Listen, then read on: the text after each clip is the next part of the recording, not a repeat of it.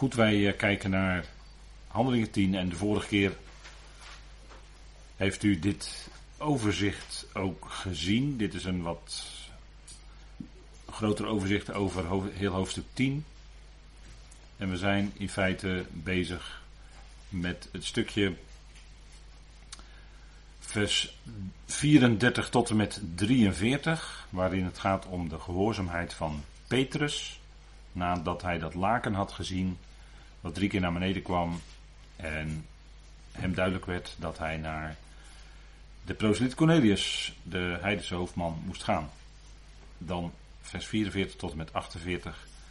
Dat wat Petrus gezien had, hij had een gezicht gekregen, een, zoals we dat noemen in het Grieks een horama, hè, een gezicht. En dat werd vervuld en daarin werd hij duidelijk gemaakt dat God reinigt. En we kijken dan in vers 39, daar waren we gebleven, de vorige keer. En daar vertelt Petrus aan de menigte die zich verzameld heeft ten huize van de proseliet Cornelius, waarvan we weten dat het een proseliet is van de poort. Hij was genade tot de God van Israël, hij was een vereerder van God. En degenen die bij hem waren, waren dat ongetwijfeld ook. Zij kenden iets van de God van Israël. Ze hadden waarschijnlijk uit de geschriften, de Hebreeuwse geschriften, nodige gehoord. En zij waren genade tot die God, vereerders van God. En Cornelius deed ook goede dingen voor de Joodse mensen. Hij gaf ze aalmoezen enzovoort. En dan zegt Petrus over het werk van de Heer Jezus, waaraan hij refereert dat hij dat zelf ook heeft meegemaakt. Petrus en de andere apostelen van de besnijdenis, die hadden meegemaakt hoe de Heer Jezus op aarde wandelde. En daarvan spreekt hij dan. En wij zijn getuigen, zegt Petrus, van alles wat hij met een hoofdletter, Jezus, gedaan heeft. Zowel in de landstreek van de Joden als in Jeruzalem. Hem die zij ook hebben omgebracht, hebben hem gehangen aan het hout. En hier doelt natuurlijk hij op de kruisiging van onze Heer. Christus werd gekruisigd. En als u uh, de nieuwste UR leest, dan staat daar ook een artikel over. Gekruisigd met Christus. Wat uh, wel diepgaand is, maar wat wel heel wezenlijk is voor uw geloofsleven. En ik raad u dan ook van harte aan om dat artikel te lezen. Ze hebben hem gehangen aan het hout. Petrus had al eerder in handelingen tijdens een toespraak gezegd dat hij werd gehangen aan het hout en dat was naar de bepaalde raad en voorkennis van God.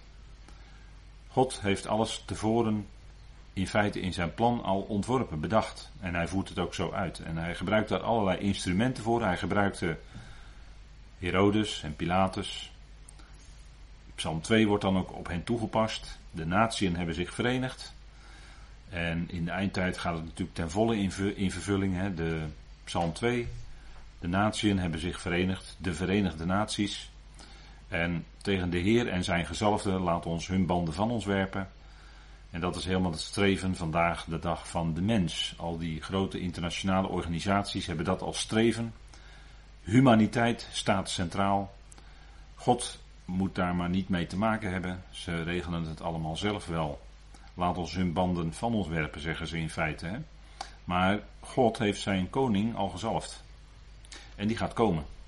En die gaat hij in Sion, in Jeruzalem, gaat hij die koning stationeren. Dat wil niet zeggen dat de Heer Jezus duizend jaar lang in Jeruzalem aanwezig is, letterlijk.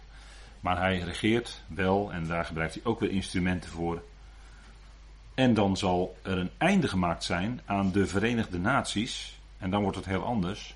Dan worden de naties verenigd onder die ene Messias, Jezus Christus, onder leiding van Israël. Dus dan krijg je een hele andere tijd de komende duizend jaar. En dan zullen al die grote monden niet meer zo groot zijn. En dan zal die leugen ook niet meer regeren zoals die nu regeert. Want dan zal hij op de troon zitten die de waarheid is. Jezus zegt van zichzelf: ik ben de weg, de waarheid en het leven. Hij is de enige weg tot God. En hij heeft het dan voor het zeggen.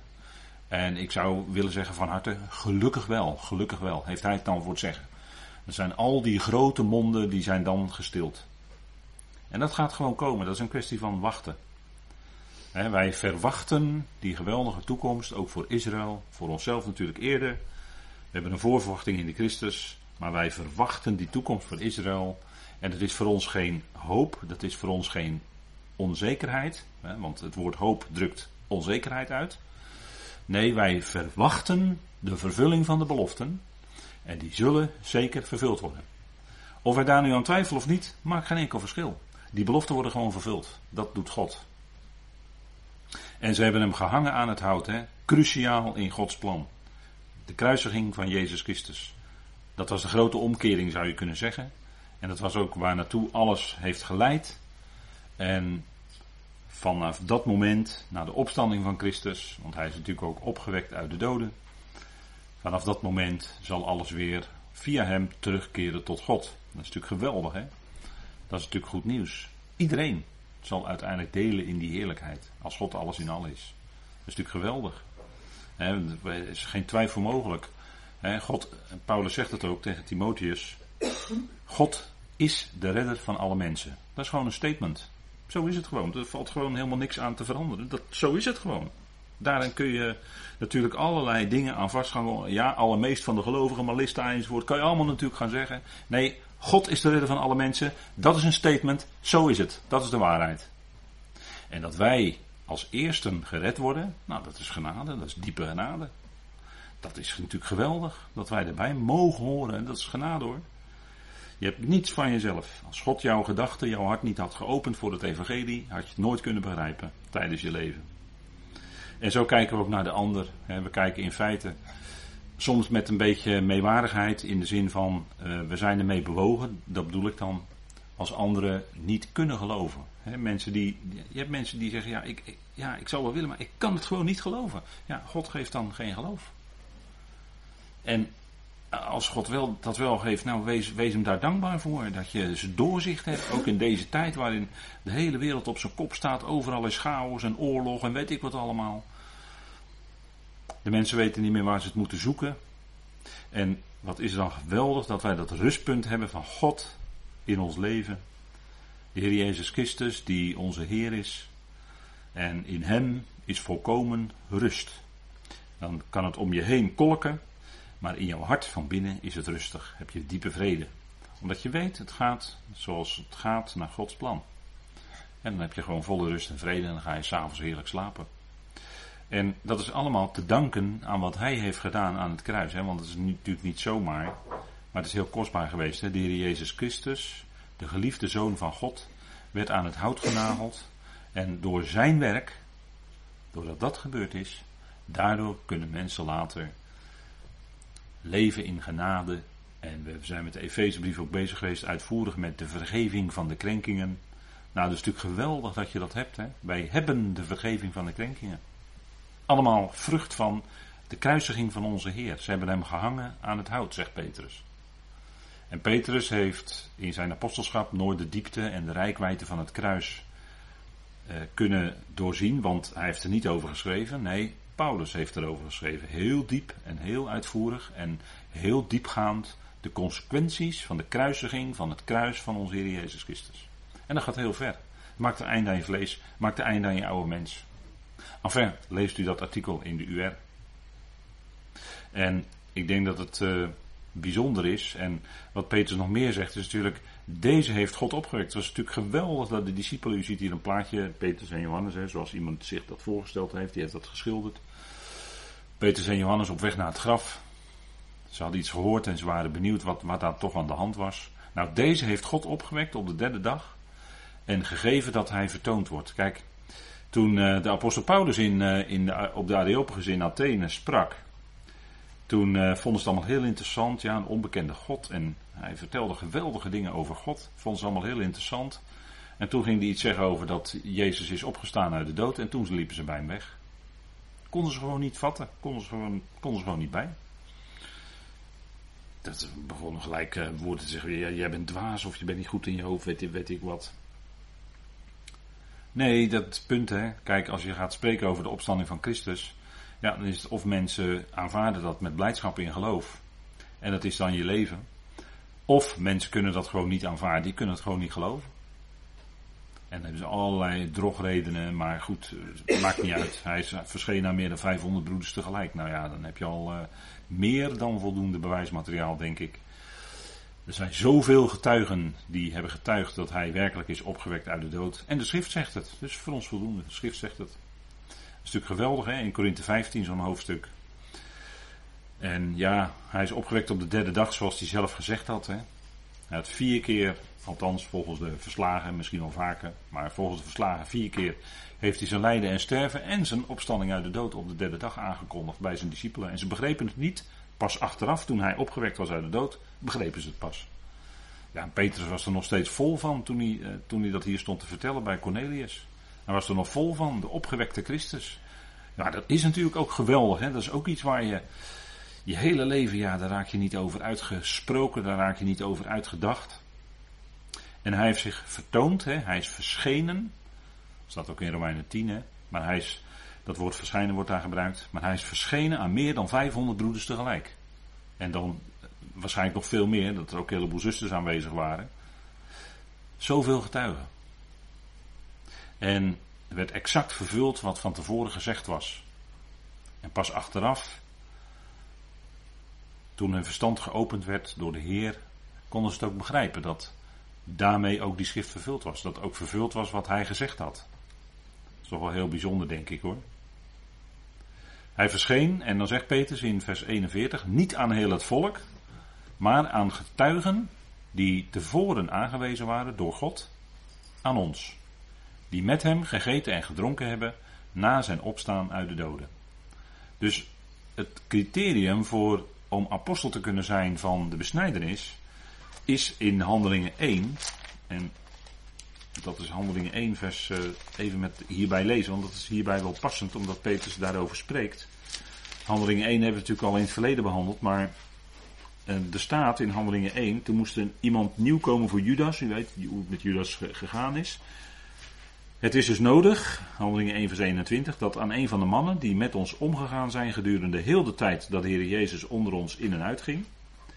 Te beginnen met de doop van Johannes tot op de dag waarop hij van ons opgenomen werd, met ons getuige wordt van zijn opstanding. Dus niet alleen dat ze tijdens zijn aardse leven met hem zijn omgegaan, maar ook getuigen van zijn opstanding. Dat was ook een voorwaarde om die lege plek, en dat was Matthias. Die lege plek werd opgevuld, het lot, zoals de Heer dat bepaalt, hè, staat in Spreuken 16.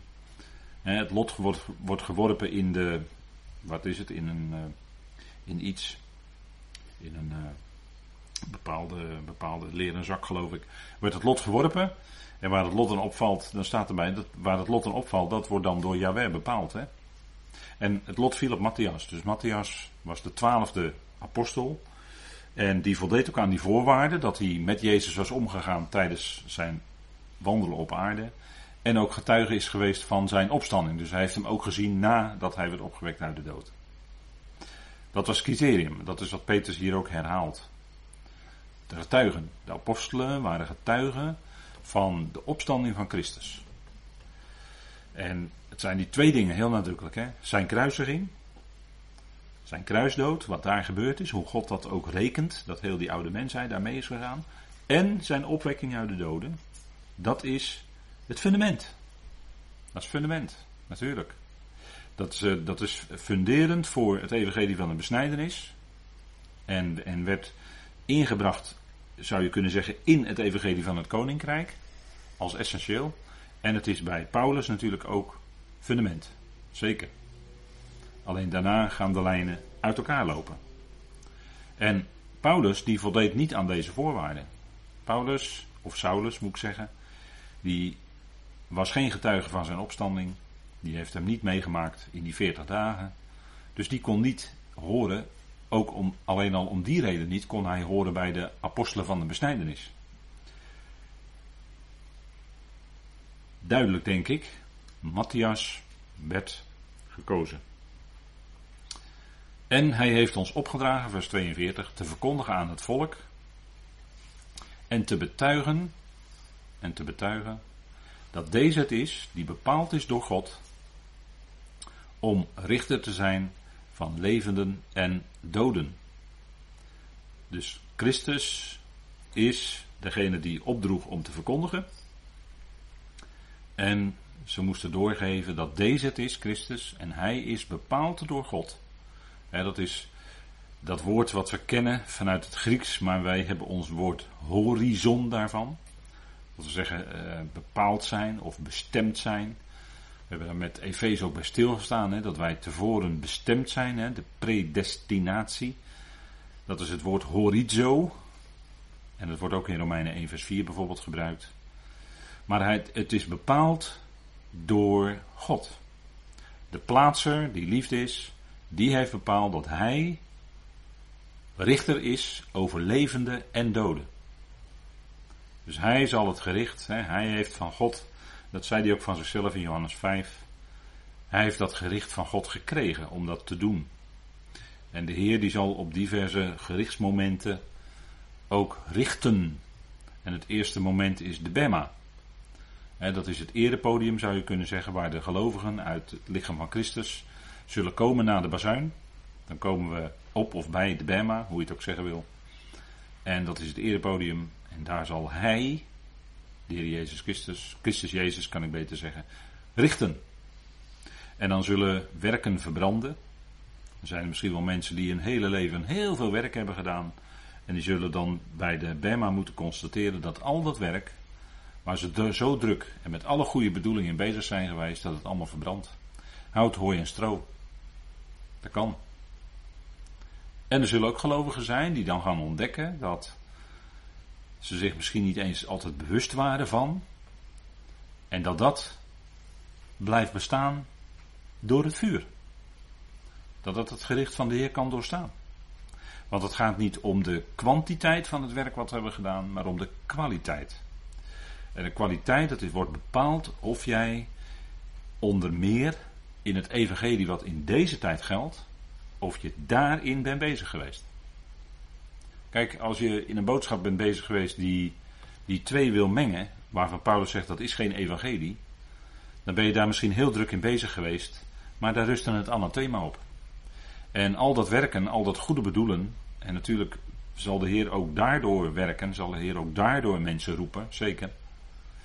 Want er wordt veel natuurlijk over het kruis van Jezus gesproken en over zijn opstanding, zeker, zeker.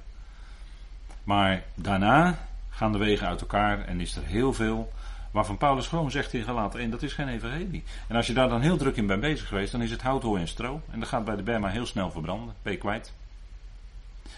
dus het, het, gaat niet of je volle zalen bereikt. en, en zondagochtenden met 2000 mensen, he, een volle zaal en, en, en groei en allemaal geweldig. Het wordt allemaal uitgezonden. En kijk, we, ik, ik moet nu denken aan een of andere megakerk die ooit die een aantal jaren geleden begonnen is. En die heel veel jongeren trok. En dat is nu allemaal aan het verbrokkelen. Dat valt allemaal uit elkaar. En het blijkt dan intern blijkt er toch dingen weer achteraf niet te kloppen. En noem alles maar op. En dan denk ik, ach wat verdrietig.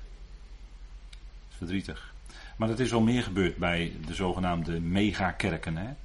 Dan zette men in op groei. We willen zoveel mogelijk groei hebben. We willen zoveel mogelijk mensen op zondag in de samenkomst hebben. En als we nou maar een volle zaal hebben, nou, dat is geweldig. Ja, oh ja, is dat geweldig? Dacht u dat Paulus toen volle zalen had? Wel nee. Paulus zat ergens boven en Uitigus viel uit het raam. En in, in, in zo'n zaaltje, ik denk dat er niet heel veel mensen waren hoor. Het was allemaal kleinschalig en was allemaal niet zo groots opgezet. Was allemaal niet zo spectaculair wat Paulus deed. Hij ging in de opdracht van de Heer. En hij voerde die opdracht uit, die de Heer hem te doen gaf. De Heer is de richter van levenden en doden. En kijk, de Bema is het eerste gericht. En daarna komt het gericht bij de troon van zijn heerlijkheid aan het begin van de duizend jaren. En dan zal hij de volkeren richten, Matthäus 25, bekend, inmiddels voor u bekend. Dan zal hij de volkeren richten als schapen en bokken. Dat gaat niet over de witte troon, het gaat over volkeren aan het begin van de duizend jaar. En daar wordt door de Heer bepaald welke plek zij krijgen in die duizend jaar. En dat is een volkerengericht, schapen en bokken, Matthäus 25.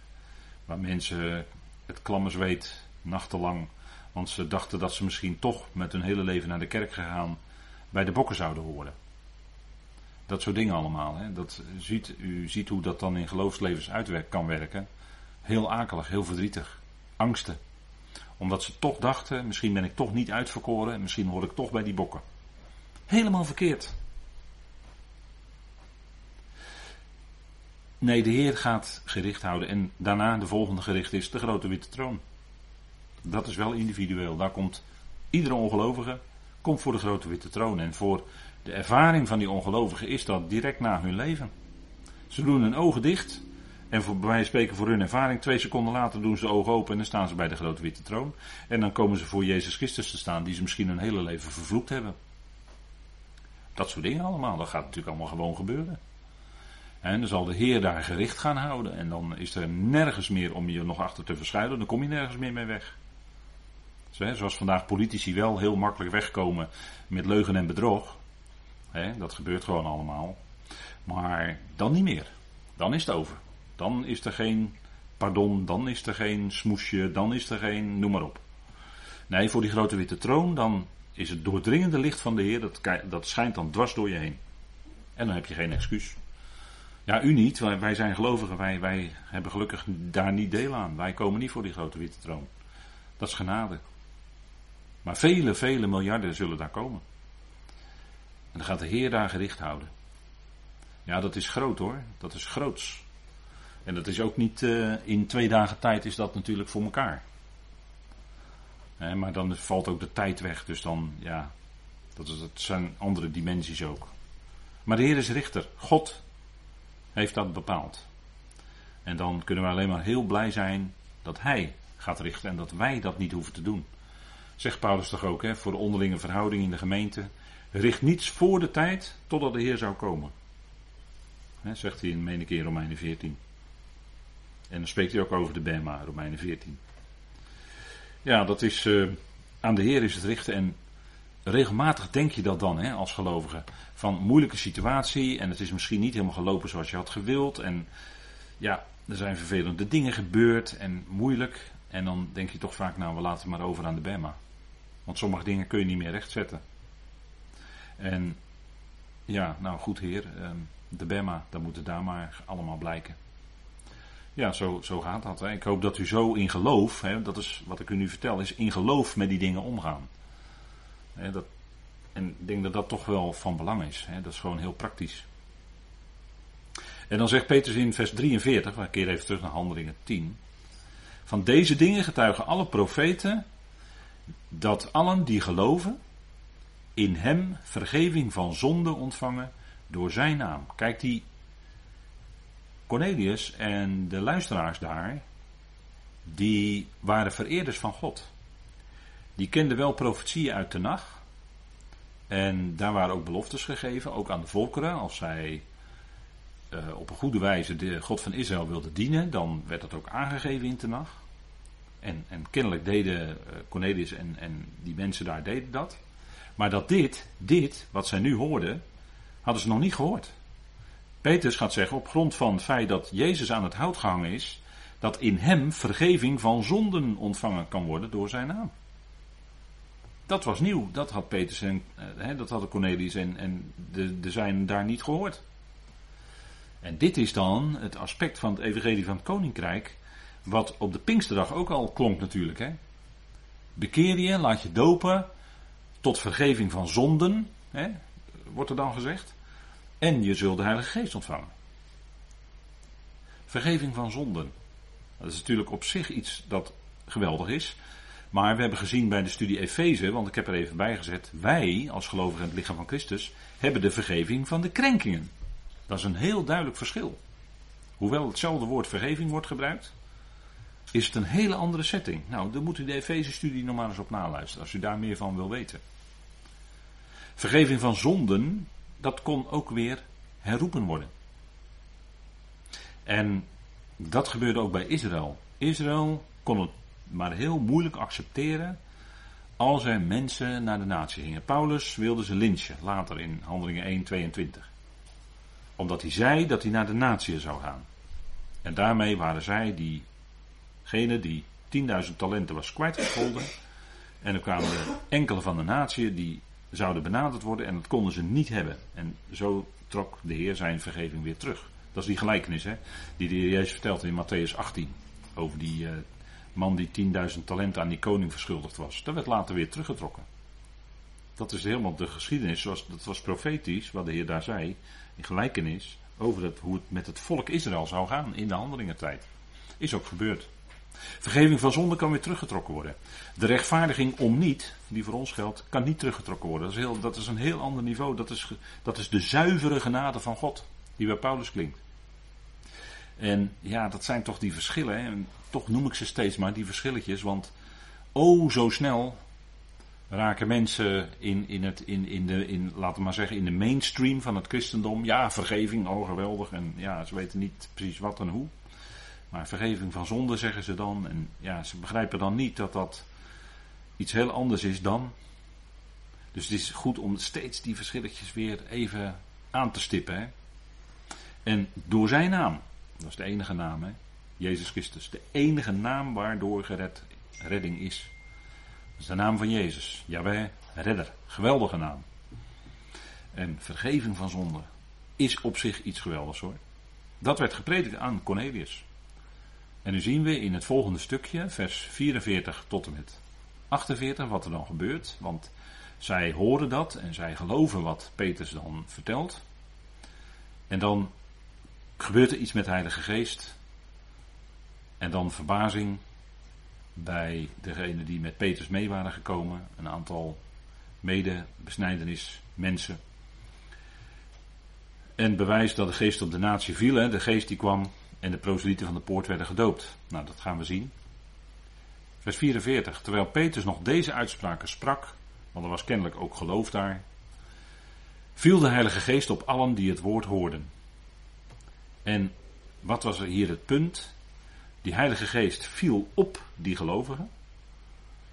En we letten ook weer op de terminologie. Hè? Kijk, die gelovigen, die werden hier niet verzegeld met Heilige Geest, maar de Heilige Geest viel op de gelovigen. Dat is ook wat je steeds in handelingen leest. Dat de Heilige Geest op mensen komt, tot verlening van kracht. Of ze werden er tijdelijk mee vervuld. Maar verzegeling, bij Israël en, en in Koninkrijk, lees je niet. Dat lees je alleen bij Paulus voor het lichaam van Christus. Die zijn alleen verzegeld met de Heilige Geest van de belofte. Dat is een heel groot verschil hoor. En ook de inwoning, de permanente inwoning van de Geest in ons, dat is ook iets dat bij Israël, het evangelie van het koninkrijk, niet geldt, werd ook niet gepredikt. Maar wel dat de Heilige Geest op de gelovigen viel. En wat, wat was daarvan het bewijs? Nou, dat, zo bewees God dat hij de natieën gereinigd had. Petrus, die had het laken, weet u wel, dat laken was drie keer naar beneden gekomen. En toen had de Heer tegen hem duidelijk gemaakt, hè, er kwam een stem. Petrus, wat God rein heeft verklaard, dat zul jij niet voor ontwijd houden of voor onrein houden. Dus met andere woorden, er werd tegen hem gezegd, offer die dieren en eet. Dus of het nou reine of onreine dieren waren. En dat was eigenlijk, dat was een gezicht wat hij zag.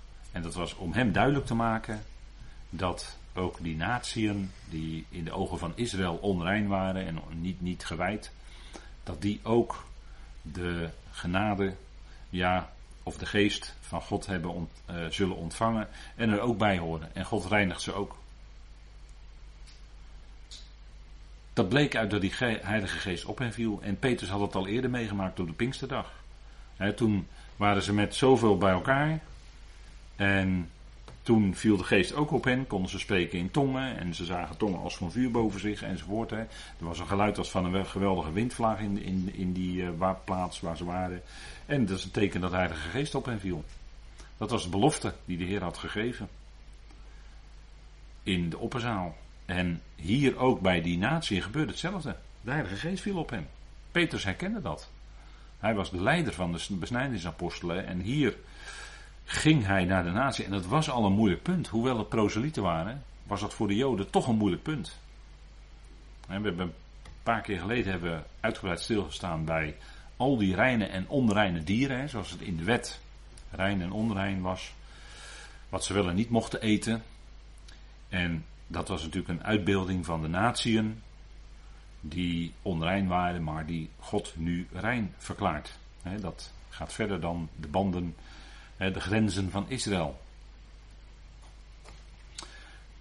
Vers 45. En de gelovigen uit de besnijdenis waren buiten zichzelf, al wie samen met Petrus gekomen waren, dat ook op de natieën, let ook weer dat woordje op, hè, op de natieën het geschenk van Heilige Geest uitgegoten was. Dus God gaf zijn geest op de volkeren, op de natieën. En toen zagen die mensen uit de besnijdenis die met Petrus meegekomen waren, die waren verbijsterd. Hè, die waren buiten zichzelf. Dat ook aan de natieën, die verwondering, dat, dat ook hè, die, die grenzen dus doorbroken werden naar, naar andere toe, buiten Israël. Onbesnedenen. Nou, dat is natuurlijk, dan ben je buiten jezelf, hè, dan, ben je, dan ben je uiterst verwonderd. En, en is dat ook niet wat je zelf misschien ervaren hebt? in je geloofsleven, toen je voor het eerst tot de ontdekking kwam, dat God echt de redder is van alle mensen. Misschien was je wel grootgebracht met de gedachte dat, ja, mensen die niet geloven, die gaan voor eeuwig verloren, of die, uh, allerlei voorstellingen, maar die horen er later niet meer bij. En jij die binnen in de kerk zit of in je groep zit, jij hoort er wel bij. En dan kom je tot de ontdekking, door wat Paulus zegt, en je wordt daarop gewezen. En je gaat zien dat de begrippen het begrip eeuwig niet echt eeuwig is in de Bijbel, maar een tijdperk. En dan kom je tot de ontdekking: hé, hey, God is echt de redder van alle mensen. En, en dat is ook wat Paulus tegen Timotheus zegt: hè? beveel en leer dit. Wat? Dat God de redder is van alle mensen. Dat is, dat het punt waar het om gaat hoor, in dat stukje. Vers 9 tot en met 11, 1 Timotheus 4. Dat is het punt. God is de redder van alle mensen. Dat zou je spreken, Timotheus. En dat is natuurlijk wat uh, ja, wat, wat dan buiten jouw benauwde idee van jouw groepje waar je in bent, of de kerkgenootschap waar je in zat. En dan, ja, je bent als kind gedoopt en je hebt beleideniskategorisatie gedaan en je hoort dan echt bij de kudde en noem alles maar op. Hè. Zo wordt er allemaal tegen je gezegd. Ja, als je buiten die kudde valt, dan hoor je er niet bij hoor. Kijk, je hoort de dominees nog steeds doen op begrafenissen. Er wordt altijd toch even gezegd, hè, als de predikant is uit de wat meer behoudende kerk dan wordt er toch nog even gezegd van ja, maar als je, als je niet gelooft, ja, dan, ja, nee, dat wordt niet zo hard gezegd, niet met vlammen en hel en zo, maar toch, als je niet gelooft, nee. Gebeurt hoor, op begrafenissen. Ik hoor het. En kijk, het punt is, als je nou voor het eerst tot, echt tot de ontdekking komt dat het doorbreekt bij je, dat God echt de redder is van alle mensen, ja, dan ben je ook buiten jezelf. Dat is natuurlijk geweldig. Als, als, als dat allemaal klopt volgens de schrift. En als je, als je, ja, God is liefde. En misschien had je altijd wel zoiets gehad van, ja, je hoorde wel die dingen, maar aan de andere kant staat in de Bijbel natuurlijk ook dat God liefde is. En ja, hoe kan dat dan? Als, als God nou liefde is, hoe kan het dan dat hij de overgrote deel van de mensheid verloren laat gaan voor eeuwig? Dat kan, dat, kan, kan je toch niet met elkaar rijmen als je nadenkt, hè? Maar je weet dan het antwoord niet. En als je dan toch dat antwoord krijgt en het breekt door bij je, ja, dan ben je buiten jezelf. Het breekt door, dan ben je blij, geweldig blij en dankbaar met die grote God. Die blijkt inderdaad, ja. Niet beperkend, nee, allen, ja. En dat is natuurlijk geweldig, hè? Dat is geweldig. Het punt is dat. Uh, dat hier dus, uh, ja, dat, dat was een soort feestje eigenlijk, hè? Feestje. Geestelijk gezien iets bijzonders. Want, hè, hoe wisten ze nou dat die Heilige Geest op hen gevallen was? Want zij hoorden hen spreken in talen. Hè, dat is het woord glossa, dus glossolali hebben we dan over. En God groot maken. Dat is straks in het koninkrijk het bewijs. Het bewijs. En het punt is, kijk, er wordt binnen kerk, eerst binnen Pinkstergroepen, en ik heb de vorige keer of zei ik dat nou bij Efeze? Weet ik niet meer. Maar toen zei ik, had ik iets over drie golven, weet je wel. Er zijn drie golven geweest van charismatische vernieuwing. Hè. 1906 in Los Angeles, broeder nog was daar heel dichtbij in de buurt. Die heeft dat allemaal van dichtbij gezien. En is daar uiteraard niet in meegegaan, want die controleerde aan de hand van de schrift of het ook zo was. En toen zag hij, ja, dat klopt gewoon niet wat gezegd wordt. En later nog een keer een golf en toen nog een keer een golf. En zo is de hele golf van een soort charismatische vernieuwing over de wereld gegaan. En ja, dat heeft ook de kerken bereikt. Hè? Dat, dat in de kerken ook meer belangstelling is gekomen voor de gaven van de geest. En zo wordt er dan bijvoorbeeld gezegd, die uitspraak op deze slide even voor u gezet. De gaven van de geest zijn vandaag nog steeds onmisbaar voor de uitvoering van Gods plan. En ik heb erbij gezet, is dat zo? Naar mijn mening is dat niet zo.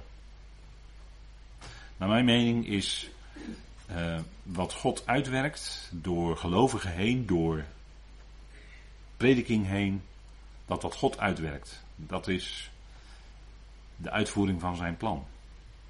En het spreken in tongen, ja, Paulus zegt daar toch iets van. En daar heb ik in, in het begin van mijn geloofsleven heel veel discussies, of heel veel, maar toch wel behoorlijk pittige discussies over gehad. Paulus zegt dat tongen zij zullen verstommen. Want dat evangelie van het koninkrijk, dat zou, was toch een aflopende zaak. En profetie, ze zal afgedaan hebben. Dat was bijzondere profetie. Hè. Je had bijvoorbeeld in handelingen Agabus bijvoorbeeld, was een profeet.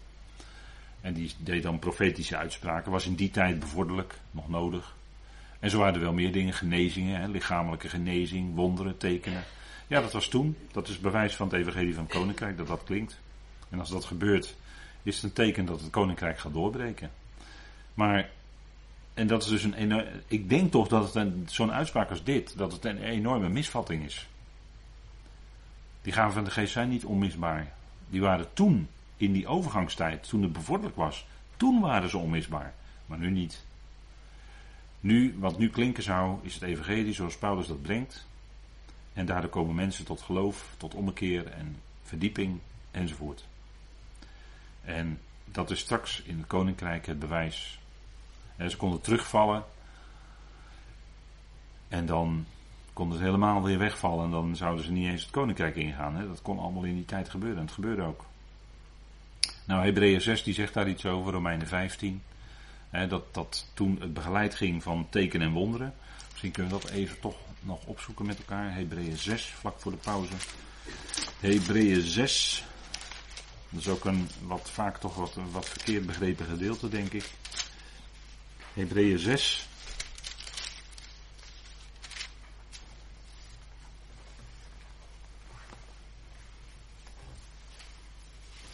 En er staat, want het is onmogelijk om hen die eens verlicht zijn geweest, die de hemelse gaven geproefd hebben, en deelgenoot zijn geworden van Heilige Geest, en die het goede woord van God geproefd hebben en de krachten van de komende eon, en afvallig worden, weer te vernieuwen tot bekering, omdat ze voor zichzelf de Zoon van God opnieuw kruisigen en openlijk te schande maken.